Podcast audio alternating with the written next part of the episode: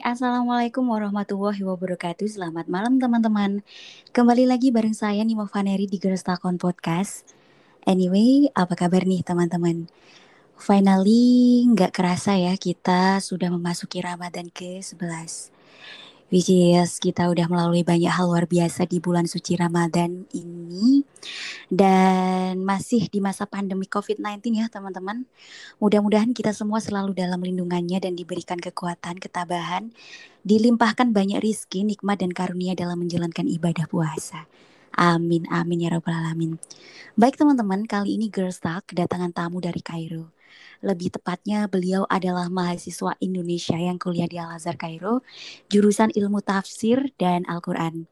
Hmm, pasti kalian sudah penasaran kan? Jadi langsung saja kita sapa beliau. Hai, Assalamualaikum Mas Arif. Hai semuanya, Assalamualaikum. Waalaikumsalam. Kif Halik. Jadi teman-teman Kif Halik itu apa kabar ya Mas Arif? Kalau dalam yeah. bahasa Arab. Jadi Mas Arif apa kabar? Alhamdulillah sehat. Uh, untuk untuk menanyakan kabar biasanya ada ber, ada beberapa kata atau ucapan tapi lebih simpelnya itu langsung kaifahal gitu. Oh, kaifhal. Gitu ya, kaifhal. Ya. ya. I see. Anyway, ini terima kasih banyak loh ya sudah menyempatkan waktu berkenan menye, uh, main ke Girls Talk di sela-sela kesibukan kuliah di Kairo. Maaf ya, merepotkan ya.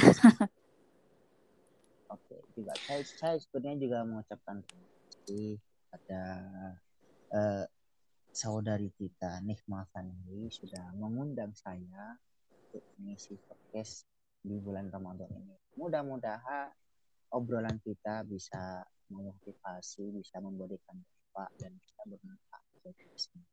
Amin, amin, amin. Ya Rabbal Alamin. Mas Syarif suaranya agak ini ya, agak kurang jelas.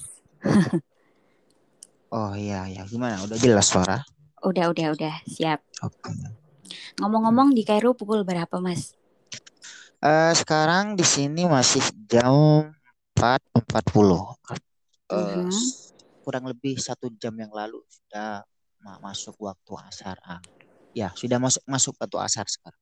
Oh, sekarang kan masa pandemik ya, Mas. Uh, suasana Ramadan di sana gimana? Apa masih dalam ini harus mematuhi okay. itu ya? Uh, untuk Ramadan tahun sekarang itu menurut saya sudah berbeda. Pasti di negara mana pun kan sejak adanya COVID-19 itu uh -huh. sudah mm-hmm. merubah semua keadaan kan. Nah, Ramadan tahun sekarang saya katakan itu tidak semeriah dan tidak sebagus lah daripada hmm. tahun-tahun yang sebelumnya karena saya hmm. sendiri sudah kurang lebih lima kali Ramadan sampai sekarang. Nah, tiga Ramadan sebelumnya yang alhamdulillah hmm. suasana itu aman ya kan semua hmm. orang aktivitas di luar rumah terlaksana dengan baik acara ngumpul-ngumpul sholat taraweh dan semacamnya. Nah sekarang ya sebetulnya sudah terjadi pada Ramadan tahun yang sebelumnya.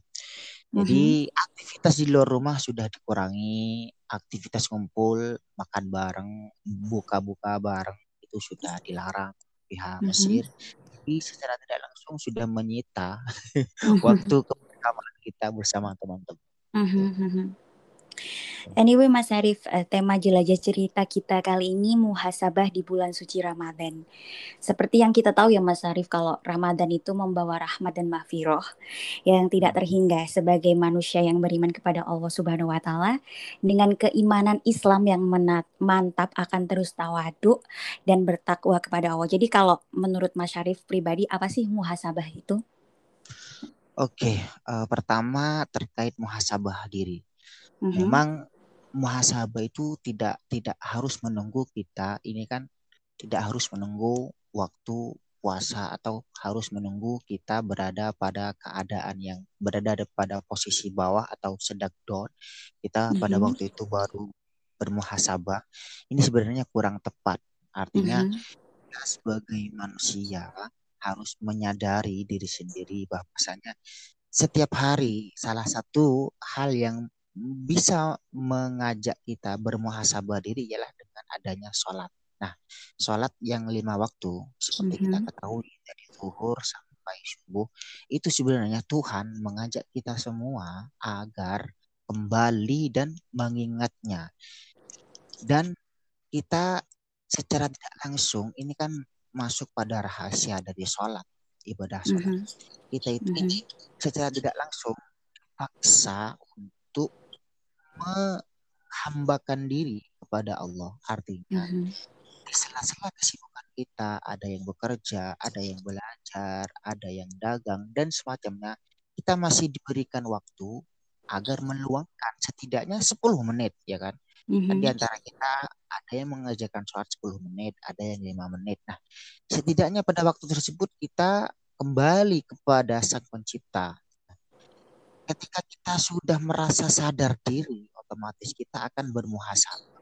Oh, mm-hmm pekerjaan saya tadi pada waktu dagang misalnya ada yang salah. Jadi ini harus diubah. Juga e, cara belajar saya tadi yang biasanya e, pada jam-jam pelajaran misalkan ada yang tidur itu jadi perlu diubah dan semacamnya. Mm -hmm. Masuk bulan Ramadan, Tuhan yang cukup besar pada pada pada waktu yang sebelumnya atau pembicaraan saya sebelumnya hanya dibatasi dalam waktu sholat. Nah sekarang bulan Ramadan Tuhan itu sudah membuka semua pintu-pintu untuk kembali kepadanya.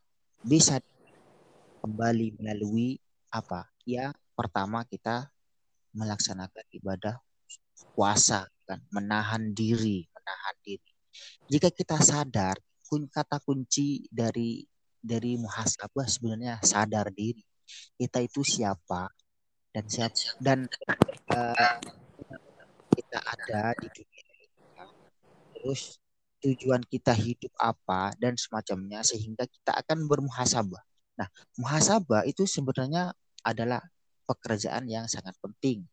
Jadi kalau kita gambarkan seperti orang yang berdagang ya kan, mm -hmm. pasti pada pekan-pekan pertama atau pekan kedua mereka akan mengadakan yang namanya rapat bersama para karyawan. Mereka ngobrol.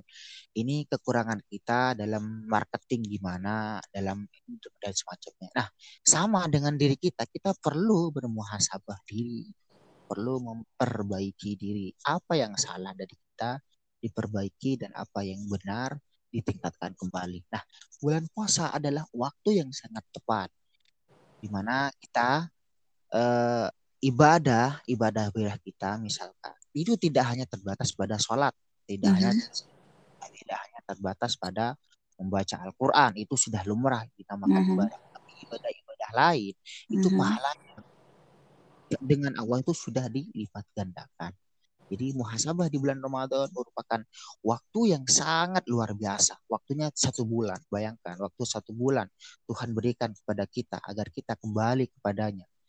Dengan apa ya? Dengan adanya ibadah puasa.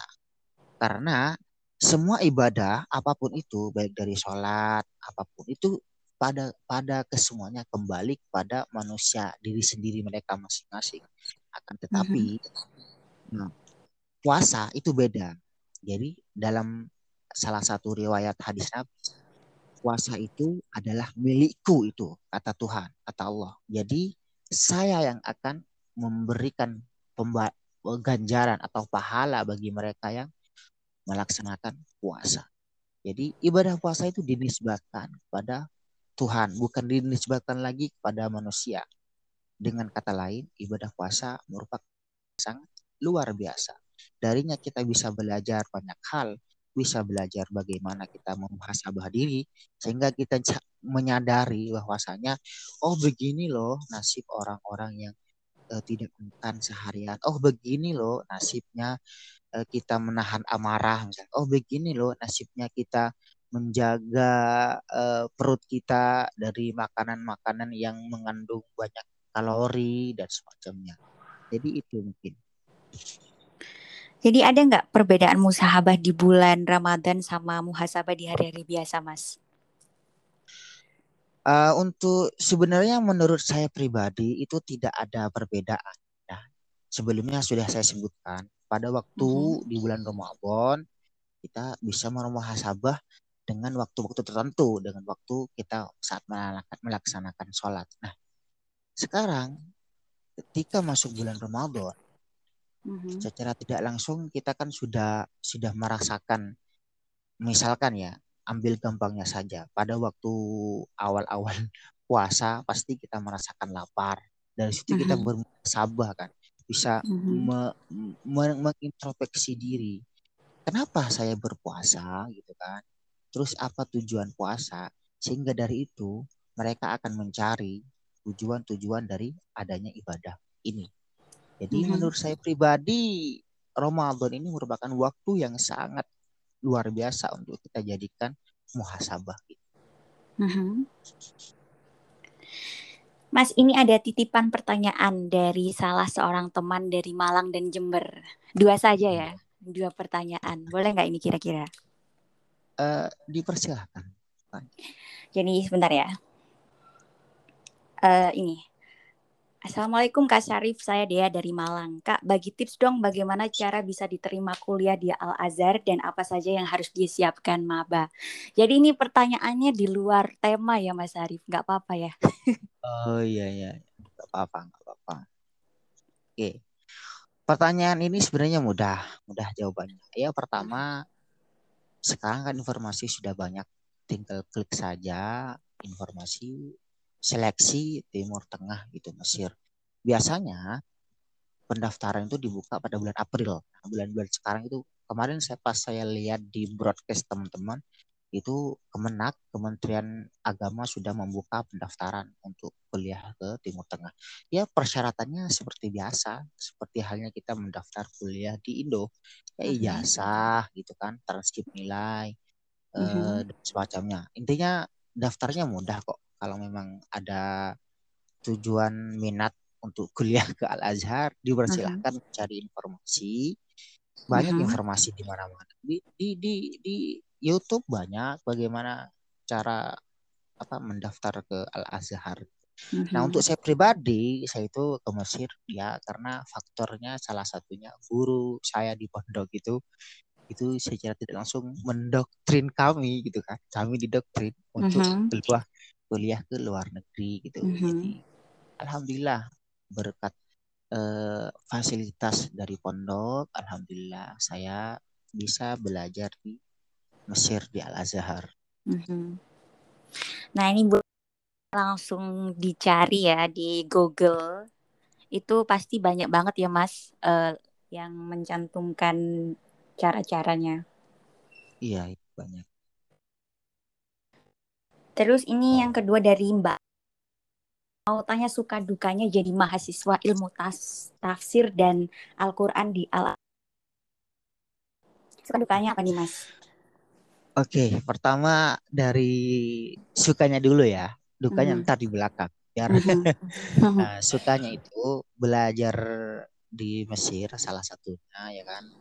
Mhm. Itu tidak sebenarnya belajar di sini itu tidak hanya mempelajari tafsir saja, tapi kita mempelajari pelajaran lain.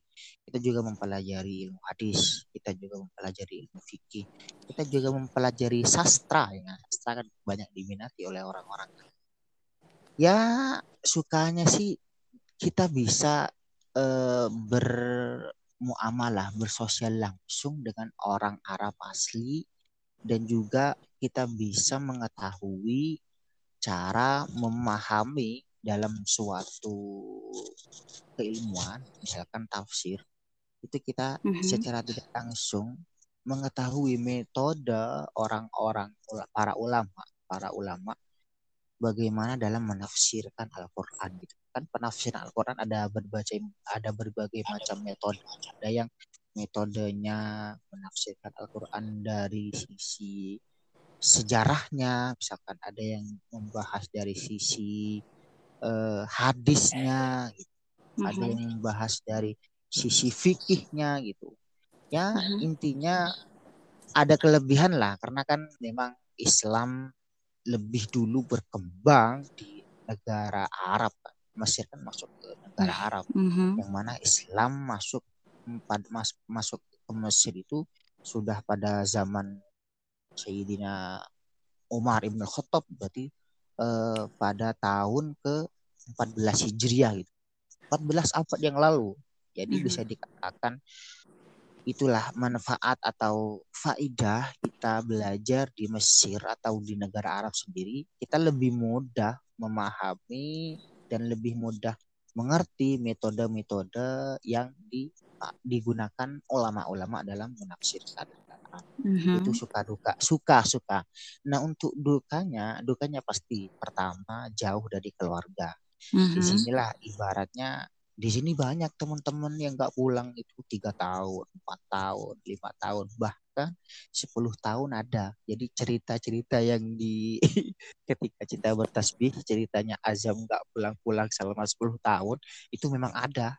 Bahkan Oh, saya Masya sendiri Allah. Iya, ada. Saya sendiri punya senior sampai sekarang itu kurang lebih 14 tahun nggak pulang-pulang. Waduh, Masya Allah. Itu Ya, banyak kenapa? faktor, banyak faktor sih, banyak faktor. Salah satunya ya ini merupakan ini ya, salah satunya pasti pertama mungkin mereka merasa punya beban, punya amanah yang seakan-akan begitu berat. Mereka memikul nama Al-Azhar kan, memikul Mhm. nama nama besar ini institusi Islam terbesar kan.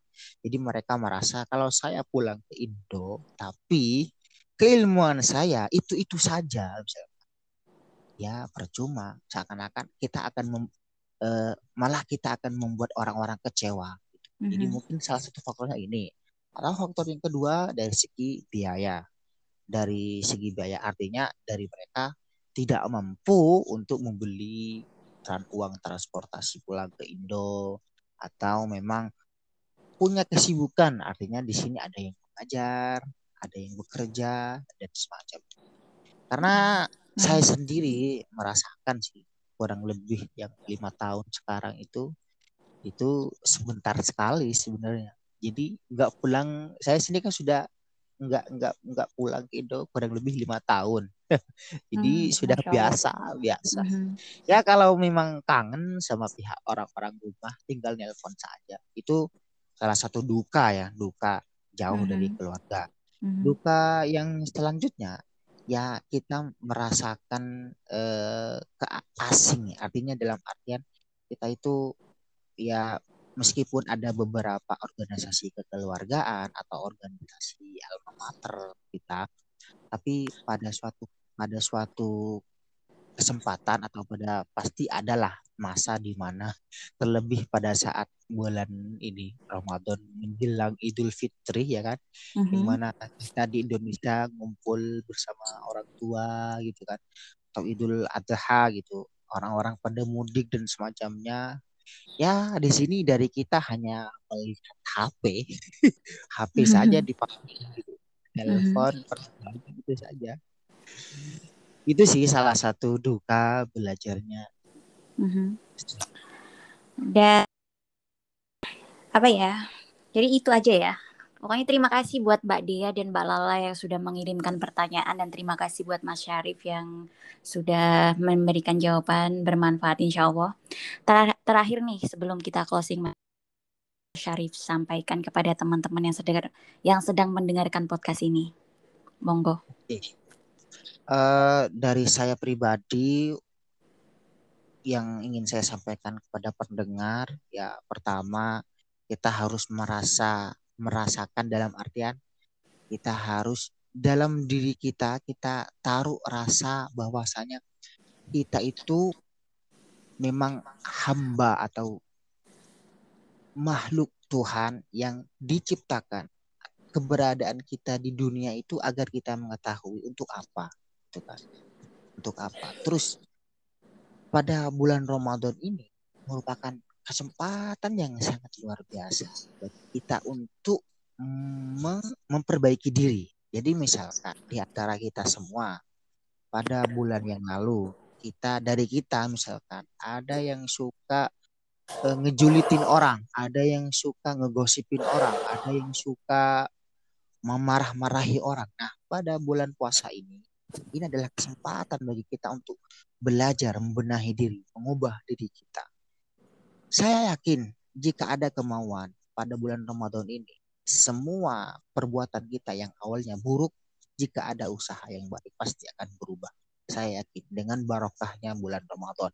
Makanya tidak heran orang-orang mengatakan Ramadan Mubarak atau Ramadan Karim ya karena memang pada bulan Ramadan Allah Subhanahu wa taala memberkati kita, memberikan uh, limpahan rahmat dan maghfirah serta hidayah kepada kita.